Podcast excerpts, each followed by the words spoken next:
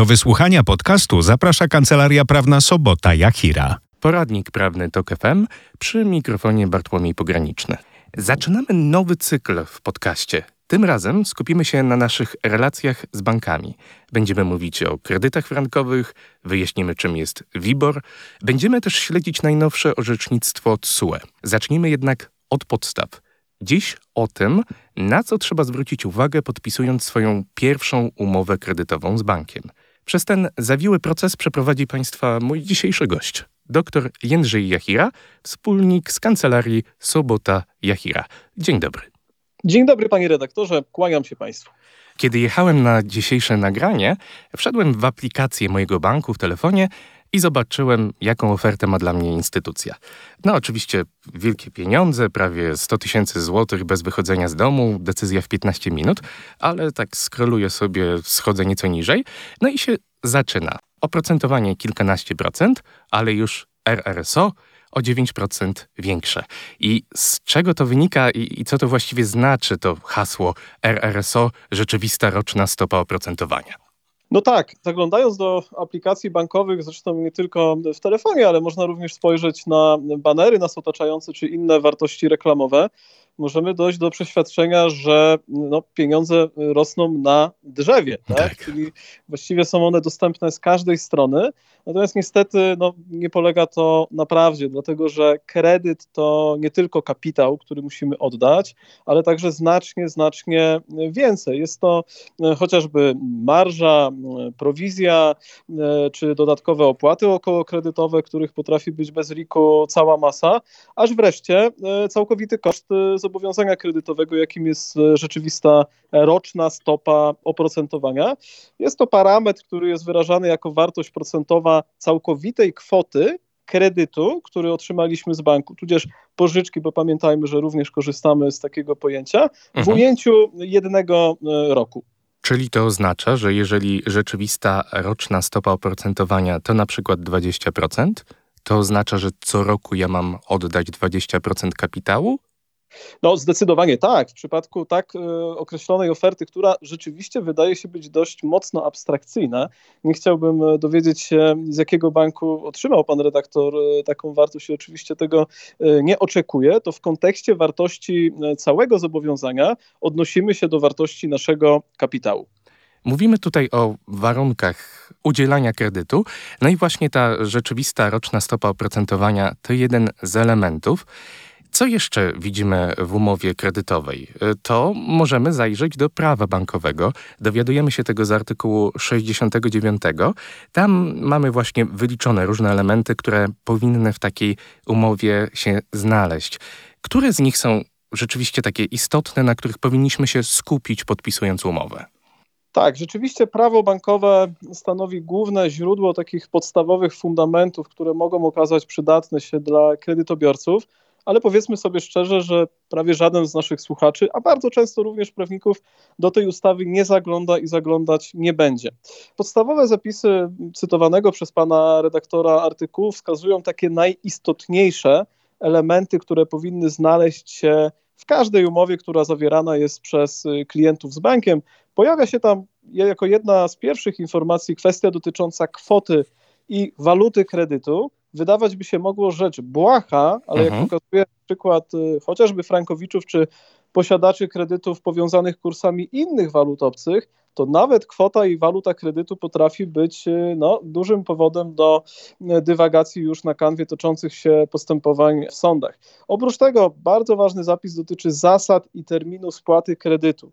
Zasady, czyli ogólne reguły dotyczące tego, w jaki sposób powinniśmy y, płacić kredyt, w jakiej części, co będzie składało się na poszczególne raty, to nieodzowne elementy, na które powinniśmy zwrócić uwagę, analizując nie tylko umowy, ale również bardzo często regulaminy, które znajdują zastosowanie do umów, które nie zawsze odnoszą się w taki sam sposób do obowiązków, które spoczywają na kliencie, jak umowa. Mhm. Oprócz tego zdecydowanie warto e, zwrócić uwagę na wysokość prowizji, dlatego że, tak jak zasygnalizowałem przed chwilą, kredyt to można powiedzieć taki zbiór różnych elementów, które składają się na główne wynagrodzenie banku myśląc kredyt, myślimy o oprocentowaniu.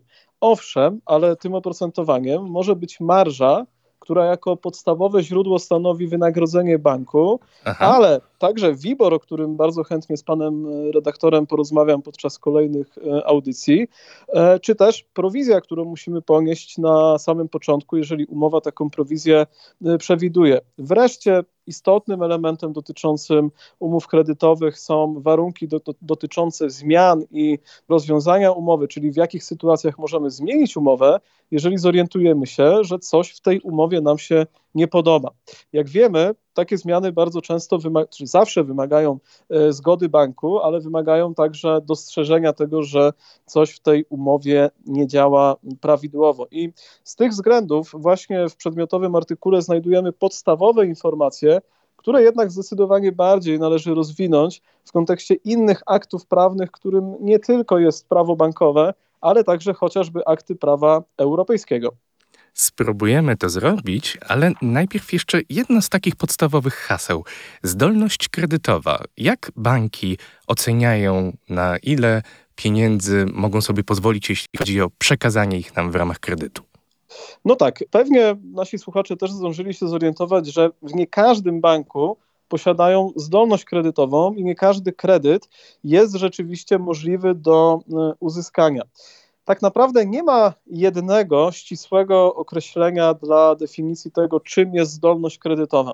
Chciałbym zwrócić Państwa uwagę na problem frankowiczów, którzy bardzo często zdecydowali się wziąć kredyt we frankach, z tego względu, że w swoim banku usłyszeli, że takiej zdolności nie posiadają. Mhm. Było to o tyle zaskakujące, że kredyt, który otrzymywali, był dalej kredytem w złotówkach. Nikt nigdy na swoje konto franka szwajcarskiego nie e, otrzymał. I rzeczywiście pojęcie zdolności kredytowej e, w różnych bankach uzależnione jest oczywiście od wysokości naszych e, uzyskiwanych dochodów, od formy zatrudnienia, od tego, jak długo jesteśmy zatrudnieni na danym stanowisku pracy i oczywiście biorąc pod uwagę aktualne problemy gospodarcze, które wiążą się dodatkowo jeszcze z rosnącymi stale stopami procentowymi, mhm. powodującymi, przynajmniej zdaniem e, Rady Polityki Pieniężnej, wzrost stawki WIBOR, z czym ja pozwolę się nie zgodzić, oznaczają, że również zdolność kredytowa pnie się w górę i kredyt, który jeszcze trzy miesiące temu czy pół roku temu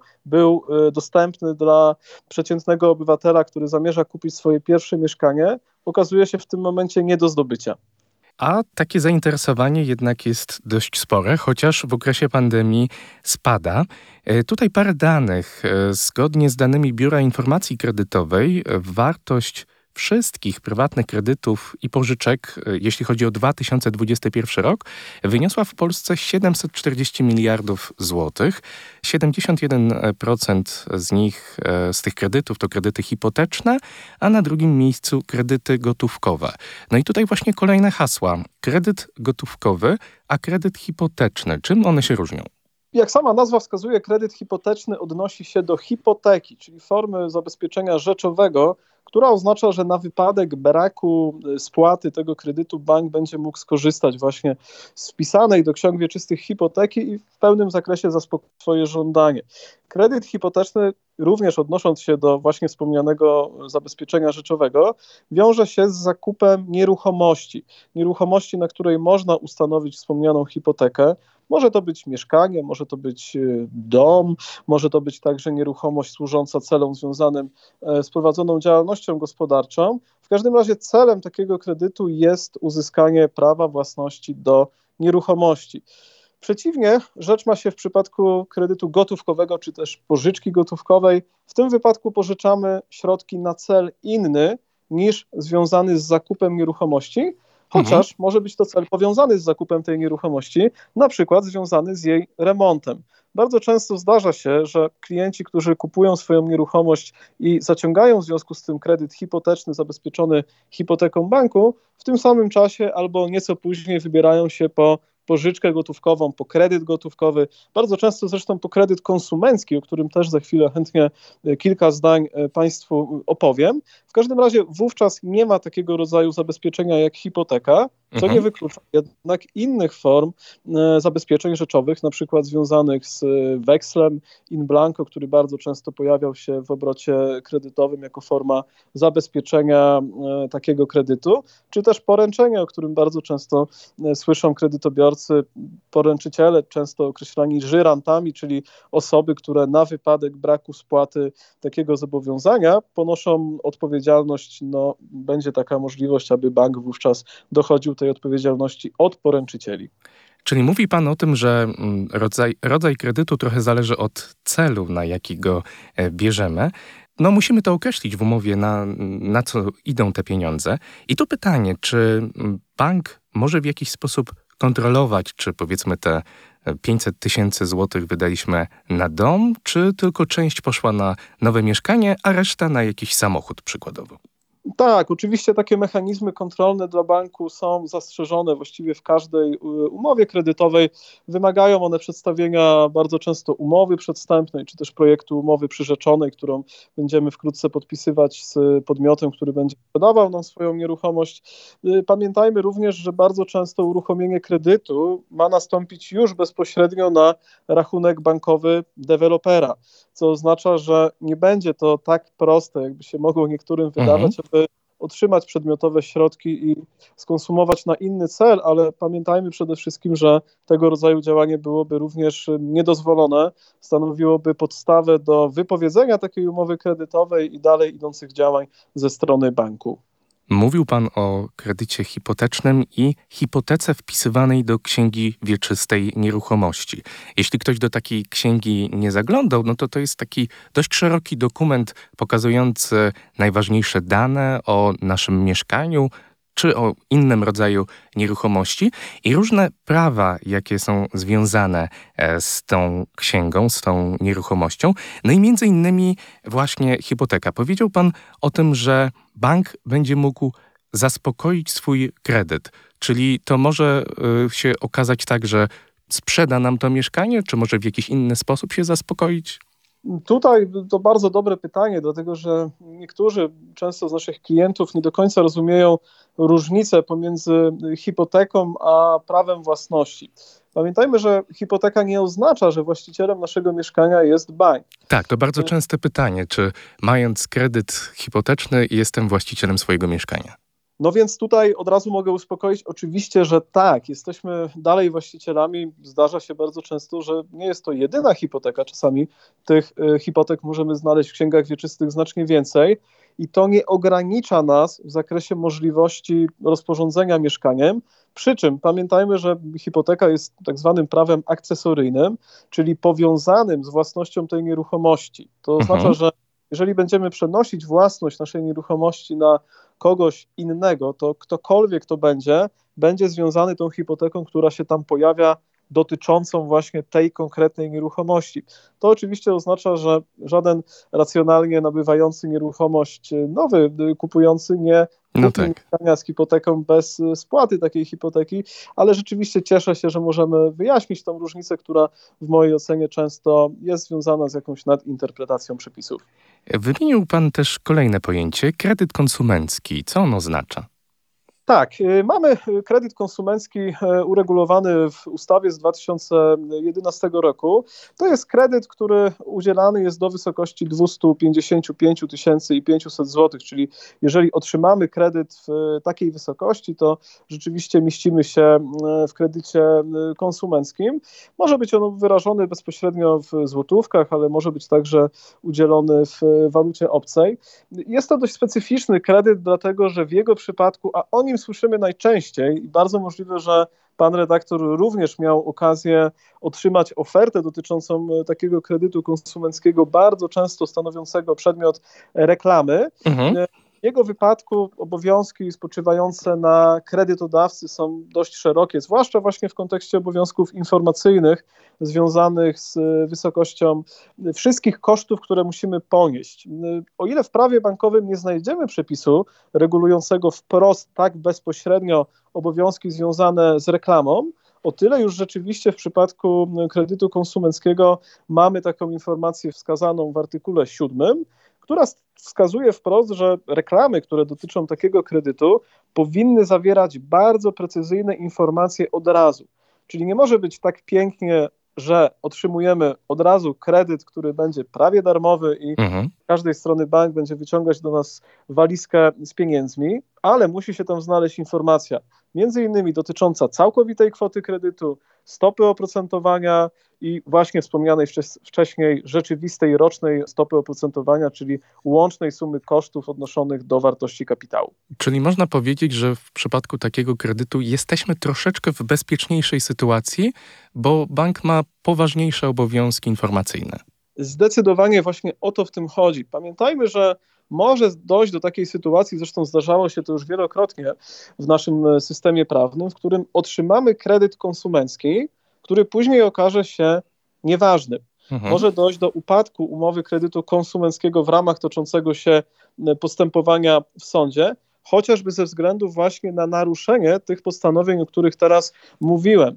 I z przyczyn, można by powiedzieć, wstępnie błahych, wynikających z tego, że dane takie nie zostałyby prawidłowo przedstawione, może dojść do upadku umowy i rzeczywiście wówczas bank nie uzyska wynagrodzenia z tytułu wspomnianych składników tego wynagrodzenia, takich jak marża czy też prowizja, wówczas konsument będzie musiał rozliczyć się wyłącznie do wysokości otrzymanego kapitału.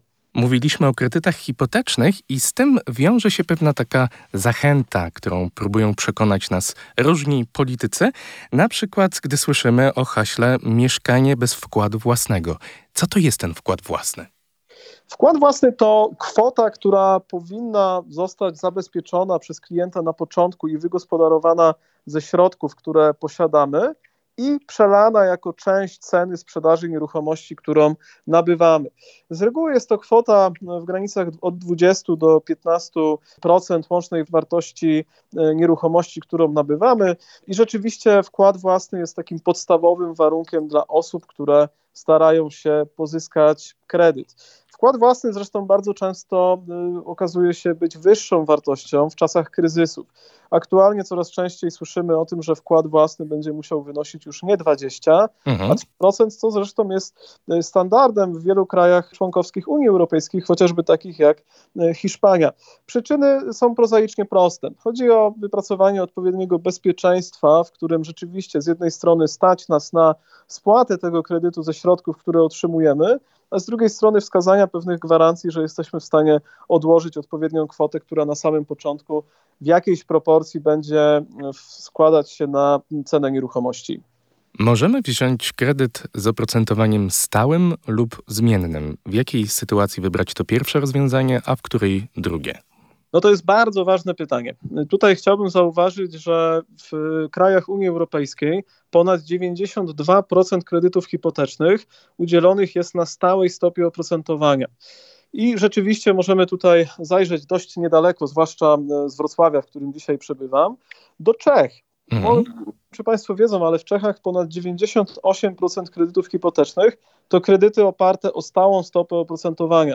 Rzecz dla nas całkowicie niezrozumiała, ponieważ w Polsce poniżej 1% kredytów posiada takie y, oprocentowanie. Efekty są dość y, oczywiste. W czasach, w których y, napotykamy poważne kryzysy, w których stopy procentowe idą w górę, a dodatkowo istnieje tak, w mojej ocenie, niedozwolony mechanizm, jakim jest oprocentowanie oparte o stopę WIBOR, Mhm. takie kredyty są bezpieczne. Mamy stałą stopę oprocentowania, która definiuje wysokość naszej raty, każdej kolejnej. Chciałbym zwrócić uwagę na to, że zawierając umowę kredytu, takiego typowego kredytu hipotecznego, zwiążemy się z bankiem na okres nawet 30 lat. Nie jesteśmy w stanie przewidzieć, co w okresie tych 30 lat się stanie. Nie jesteśmy nawet w stanie przewidzieć kolejnych lat, co wybitnie pokazuje przykład Frankowiczów, którzy podpisując umowy w 2007 roku musieli czekać ponad rok na to, aż nagle rata kredytowa zaczęła iść dynamicznie w górę. Stała stopa procentowa to wartość bezzmienna, która powoduje, że wartość odsetek, które będziemy oddawać w perspektywie tych 30 lat, będzie zabezpieczona i przewidywalna, zwłaszcza w kontekście zarobków, które uzyskujemy. Proszę mnie poprawić, ale zdaje się, że oprocentowanie stałe też jest na kilka lat, zwykle w okresie pięcio- lub dziesięcioletnim. To zależy, o którym systemie prawnym mówimy. Muszę przyznać, że osobiście miałem okazję poznać specyfikę kredytów hipotecznych udzielanych w Hiszpanii. Mhm. W jej przypadku kredyt hipoteczny oparty o stałą stopę oprocentowania nie daje nieograniczonej możliwości po upływie wspomnianego okresu pięciu, czy też czasami e, ośmiu e, lat utrzymania takiej stopy. Tylko możliwość jej nieznacznej waloryzacji w określonych granicach procentowych. To powoduje, że po pięciu czy po ośmiu latach nie napotkamy problemu, w którym nagle z 4% stopy oprocentowania zrobi się 15% stopa czy 17% stopa, tak jak kiedyś mieliśmy do czynienia w przypadku oprocentowania opartego o WIBOR, historycznie dochodzącego nawet do takich wartości. Innymi słowy, odnawialność stałej stopy procentowej nie oznacza, że wówczas wejdziemy w rytm stopy zmiennego mhm. oprocentowania, mhm. tylko będziemy w stanie też przewidzieć wysokość tej stopy i nawet jeżeli będzie ona nieznacznie wyższa, korespondująca ze wskaźnikami inflacyjnymi, to dalej będzie utrzymana na porównywalnym poziomie.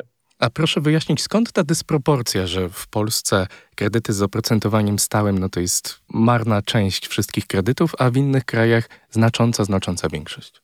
Tutaj zdecydowanie powinniśmy e, zastanowić się nad udziałem regulatora, nad udziałem Komisji Nadzoru Finansowego, a wcześniej Komisji Nadzoru Bankowego, jak również całego sektora bankowego. To, e, że nie mamy niestety tego rodzaju kredytów, jakie mają Czesi, czy jakie mają Rumuni, bo w przypadku Rumunii to mhm. ponad 32% kredytów opartych o stałą stopę, niestety wynika z licznych zaniedbań po stronie i regulatora, i z drugiej strony banków, które dotychczas nigdy nie poświęciły swojej uwagi, żeby uregulować to w sposób zabezpieczający interesy klientów. I chciałbym wskazać, że to nie powinien być efekt jedynie dobrej woli banków, bo pamiętajmy, że przecież y, rozmawiamy o aktach prawnych, które te zagadnienia powinny ściśle regulować i przyznam szczerze, że regulują. Mamy do czynienia z dyrektywą MIFID 1 i dyrektywą MIFID 2, które w bardzo precyzyjny sposób określają może nie tyle obowiązek prowadzenia stałej stopy procentowej, co konieczności uświadomienia o wszelkich ryzykach wynikających z nabycia konkretnego produktu bankowego, czyli w tym wypadku e, kredytu. Pojawia się tam nawet obowiązek związany z zakupem obligacji wobec klienta, który zanim je nabędzie, musi odpowiedzieć na 37 pytań, które w związku z tą dyrektywą są zadawane. W naszej ocenie polskie banki nie realizują postanowień wynikających ze wspomnianych aktów prawa europejskiego, w tym dyrektyw MIFID 1 i MIFID 2, ale również dyrektywy 9.3 przez 13 EWG, która chroni także interesy konsumenta z przedsiębiorcą i jest to wyłączna przyczyna powodująca taki stan rzeczy. To żeby wyjaśnić, to dyrektywy to są takie dokumenty unijne, na podstawie których potem kraje członkowskie w określonym czasie mają implementować pewne założenia, które są w dyrektywach, do przepisów krajowych. Dokładnie tak. I czas na implementację i też transpozycję, czyli nie tylko wprowadzenie tych przepisów w życie w poszczególnych aktach prawnych, ale również wyegzekwowanie tego, że będą one w należyty sposób wykonywane, już minął. Ale to chyba nie jesteśmy zaskoczeni, bo to często się tak zdarza, że Polska nawet musi płacić jakieś kary za opóźnienia. Dokładnie tak, tylko niestety w tym wypadku odczuwamy to wyjątkowo bezpośrednio. Mhm w kraju, w którym okazuje się, że banki udzielając o połowę mniej kredytów rok wcześniej zarabiają dwa razy więcej, to no tak. rzeczywiście tak. pojawia się ogromny znak zapytania w kontekście tego nowego modelu, który powinniśmy wypracować w relacji banków z klientem. Oczywiście. Wspomniał Pan o prowizji i tu tak się zastanawiam, bo mamy różne rodzaje prowizji przy kredycie. Na przykład prowizja za to, że spłacimy wcześniej kredyt i, i to jest powiedzmy całkowicie logiczne. Ale dlaczego banki mają prowizję za udzielenie kredytu? Przecież to jest jakby ich praca. Znaczy tutaj ponownie wracamy z powrotem do, do tekstu jednej, zresztą i drugiej ustawy, chociaż w przypadku kredytu konsumenckiego można spłacić kredyt bez prowizji. Tutaj też chciałbym zwrócić uwagę tych e, słuchaczy, którzy spłacili już taki kredyt, mają Państwo możliwość odzyskania wcześniej pobranej z góry przez bank prowizji na samym początku zawierania umowy. Mało kto o tym wie, banki takie informacji klientom nie przekazują, a mhm. później po spłacie kredytu, którego wartość była niższa niż wspomniane 255 500, istnieje możliwość odzyskania prowizji z banku. Mogą Państwo zgłosić się do banku i ją odzyskać. I e, to, o czym przed chwilą powiedziałem, czyli brak jasnego uregulowania wysokości prowizji dotyczącej udzielanego kredytu, powoduje, że wiele z banków taką prowizję wprowadza. Ale tutaj ponownie z dużym e, znakiem, z dużym wykrzyknikiem chciałbym powiedzieć, że taka prowizja jest w całości negocjowalna. Jeżeli e, będą Państwo na etapie podpisywania swojej umowy z bankiem, nie ma takiej regulacji, która określa minimalny próg wysokości prowizji dotyczącej zawieranej umowy kredytowej. To powoduje, że ta prowizja bez najmniejszego problemu może wynosić 0% i nie Mhm. być doliczona do zawieranej umowy kredytowej. Jasne. Mówił pan o tym, no, to wszyscy słyszeliśmy o przypadku Frankowiczów, że kredyt można wziąć w złotówkach, ale wcale tak nie musi być. Jakie tutaj dostępne są waluty i jakie są typy tych kredytów właśnie nie w złotówkach? Tak, tutaj chciałbym zwrócić uwagę, że aktualnie na szczęście od 2011 roku banki już nie udzielają kredytów powiązanych kursami walut obcych, ale do 2011 roku, począwszy od roku 2001, wszystkie e, banki udzielające kredytów hipotecznych na rynku polskim, również te, e, w którym między innymi pracował aktualny prezes Rady Ministrów, wskazując, że takich kredytów w tamtym czasie nie udzielano, Mhm. udzielały kredytów powiązanych przede wszystkim kursem franka szwajcarskiego. Wśród tych kredytów, te kredyty dalej obowiązują. Pamiętajmy, że No tak. Ponad 500 tysięcy tych kredytów jest dalej e, aktywna na rynku międzybankowym. To kredyty albo indeksowane, których wartość była wyrażona bezpośrednio w złotówkach, albo denominowane, czyli takie, w których wartość pierwotna kredytu była określona we frankach albo w innej e, walucie obcej ponownie przeliczanej do złotówek na początku po kursie kupna na etapie uruchomienia kredytu, a kolejno na wartościach wynikających z kursu sprzedaży. I dlatego wskazywałem, że jest to istotne, ponieważ okazuje się, że banki bardzo często naruszały podstawową zasadę nominalizmu, czyli e, tego obowiązku, który zresztą znajduje odzwierciedlenie w artykule 69 prawa bankowego, który polega na tym, że powinniśmy oddać do banku kwotę, którą pożyczyliśmy, powiększając ją oczywiście o dodatkowe składniki wynagrodzenia banku. Tyle tylko, że jeżeli otrzymaliśmy kredyt powiązany kursem waluty obcej, określony na przykład w wysokości 100 tysięcy franków, to Mhm. już na drugi dzień, pomimo tego, że wartość franka szwajcarskiego się nie zmieniła, wartość naszego kapitału wzrosła. Nie mamy już do oddania 100 tysięcy franków przeliczonych po pierwotnym kursie kupna, tylko 100 tysięcy franków policzonych po kursie sprzedaży banku.